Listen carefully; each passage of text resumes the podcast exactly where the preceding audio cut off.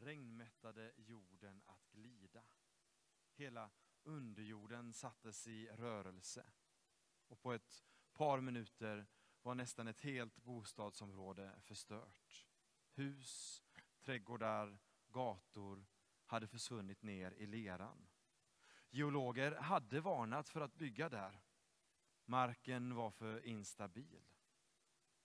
Och när regnet kom så visade det sig. Något liknande är det som Jesus berättar i dagens evangelietext. Med utmaningen och uppmuntran till oss om att vi behöver ligga, bygga liv som består. Liv som består även när livet stormar. Jesus berättar om två hus som byggs. Det ena på en lerig och sandig mark. Det andra på en stabil berggrund. Så i båda fallen byggs hus. Och också i båda fallen stormar det. Så det Jesus försöker ge till dig och mig är inte ett recept för att slippa livets stormar.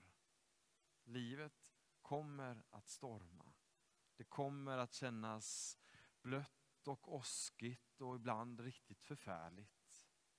Men det Jesus försöker ge är ett recept och en väg framåt för att bygga våra liv på ett sätt så att även när det stormar så kan du och jag vara trygga. Så utmaningen är för dig och mig att idag fundera på hur bygger jag mitt liv? Och så ger Jesus också ett varnande exempel. Han berättar om personer som säger till honom, Herre, Herre, Jesus, se här vad vi har gjort. Vi har kastat ut demoner i ditt namn. Visst är vi bra? Det här har vi väl lyckats riktigt fint med. Och ändå säger Jesus, jag känner inte er. Det verkar som att de här personerna i dagens evangelietext hade riktigt snygga andliga attribut. Och det kan vara svårt att se vad är det som saknas hos dem. De hade ju drivit ut demoner, de hade ju gjort underverk. Men det verkar som att de saknade en inre substans på det som hade skett. Och som en kontrast beskriver då Jesus husen som behöver den stabila berggrunden för att stå. Och jag vill fråga oss här inne om vi någon gång varit med om att stöta på människor som säger en sak men sen lever på ett annat sätt. Vid något tillfälle så bodde jag i ett kollektiv och en person där kunde posta foton på Facebook om hur den här personen då hade köpt nya träningsskor och såg fram emot att sticka ut och springa i skogen. Men vi som bodde med den här personen visste ju att den aldrig någonsin var ute och sprang. Samma person kunde få alla oss andra i kollektivet att alltid laga mat enligt en viss diet. För att vara enligt den här dieten personen levde. Men när vi kom hem efter helgen, då låg det pizzakartonger under vasken. Poängen är nu inte att peka ut någon särskild, utan poängen är att du och jag också ska börja fundera på, finns en sån här diskrepans även i ditt och mitt liv? Att det finns en skillnad mellan hur det ser ut på insidan och kanske vad som sägs utåt. När det verbala uttrycket, upplevelsen av oss själva, inte riktigt matchar med andras upplevelse av oss. Om vi märker det hos oss själva så tror jag det kan vara viktigt att ställa frågan till oss hur det kan vara så. Vad är det ett uttryck för? När det vi säger inte matchar det vi gör. När det som finns på vår insida inte matchar det som sägs eller det som händer. Är det så då att du och jag och andra kanske också ibland försöker vara någonstans där vi egentligen inte är? Då tror jag att vi vinner mycket på att backa hem och försöka se var är jag? Och istället utgå därifrån och inte vad vi hade önskat att vi var.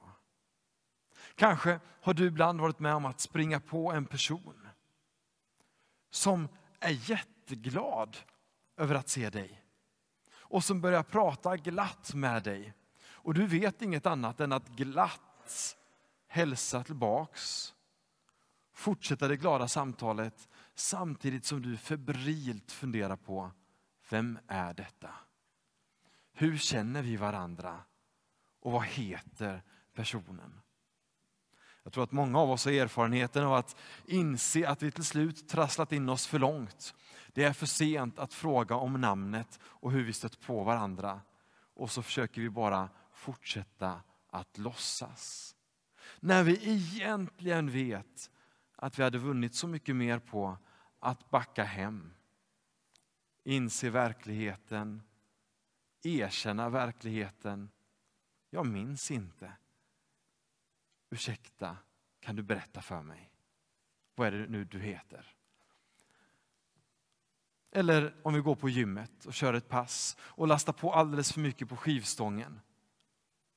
Vi vinner på att lasta av snarare än att försöka kämpa oss hela passet igenom och hålla uppe någonting som vi ändå inte har en inre substans för att bära upp. Så hur gör du och jag när det yttre synliga inte matchar den inre verkligheten i våra liv? Jag tror att vi alla egentligen vet att lösningen är att backa hem. Har vi tagit för mycket vikt på skivstången så är lösningen att lasta av tills vikten matchar där vi befinner oss.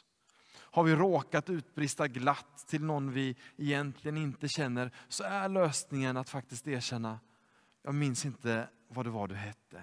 Vi backar hem så att vi faktiskt befinner oss på ett plan som matchar den inre verkligheten. Att hitta balansen så att vi ligger i synk med det inre och det yttre. För svagheten är aldrig problemet. När vi läser Bibelns berättelser så är svaghet och kapitulation aldrig problemet. Problemet är alltid hyckleriet. Att backa hem är aldrig problemet. Problemet är att fortsätta på ett sätt där det inre och det yttre inte matchar. Där finns problemet. Och när vi då kommer till dagens evangelietext, till dagens utdrag av bergspredikan där Jesus talar om falska profeter, så handlar det just om detta att det inre och det yttre inte matchar. Och Jesus beskriver att på frukten så känner vi människor. Ett äppelträd kan inte säga sig vara ett äppelträd om det tistlar på dess grenar. Ett äppelträd, det märks att det är ett äppelträd när vi ser frukten äppel på dess grenar. Så vilken frukt har trädet? Vilken frukt bär du och jag?